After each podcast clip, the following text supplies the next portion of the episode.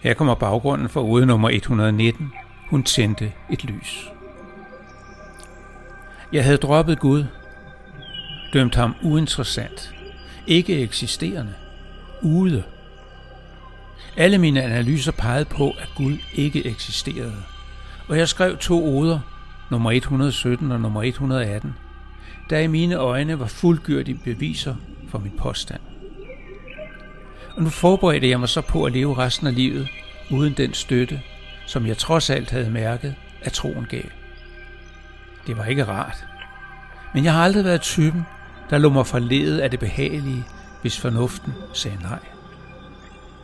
Jeg havde dog ikke sagt nej til det spirituelle. Og få dage senere besøgte jeg en meditationsgudstjeneste i en lokal kirke. Hør her, hvad der skete. Her kommer ude nummer 119. Hun tændte et lys. Hun tændte et lys for en, hun havde kær.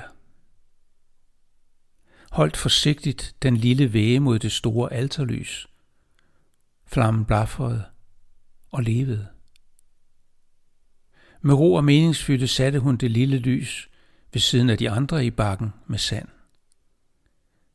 betragtede det roligt og eftertænksomt et øjeblik, og fandt så sin plads på den stivrykkede bænk på række 4 i den lille kirke.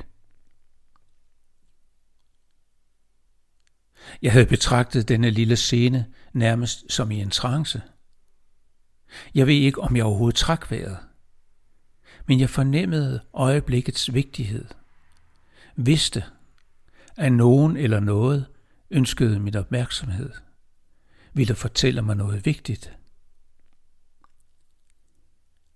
Og jeg fattede budskabet, var næsten lamslået over øjeblikkets indsigt.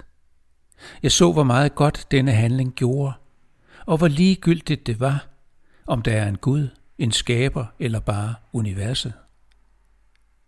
Og det gik op for mig, hvordan jeg i min blinde jagt på fornuften havde misset noget vigtigt en kvinde med behov for at vise sit savn, en stille samtale mellem her og hisset, og et lille lys, der viste, at den fandt sted. Så enkelt og så smukt.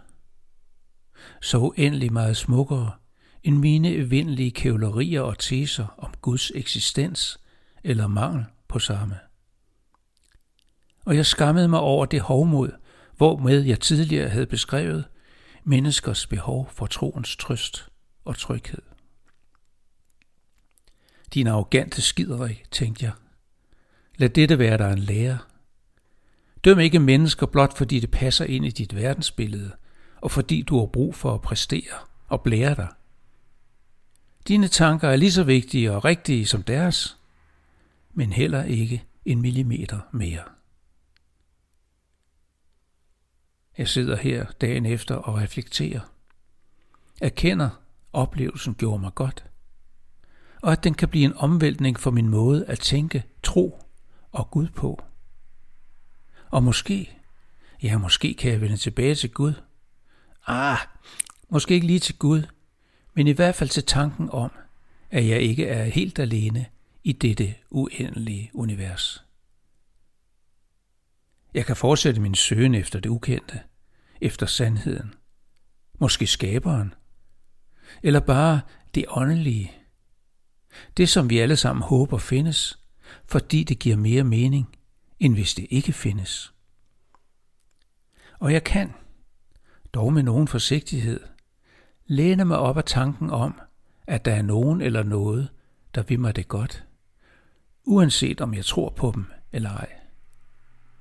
Og se det er ikke nogen dårlig følelse.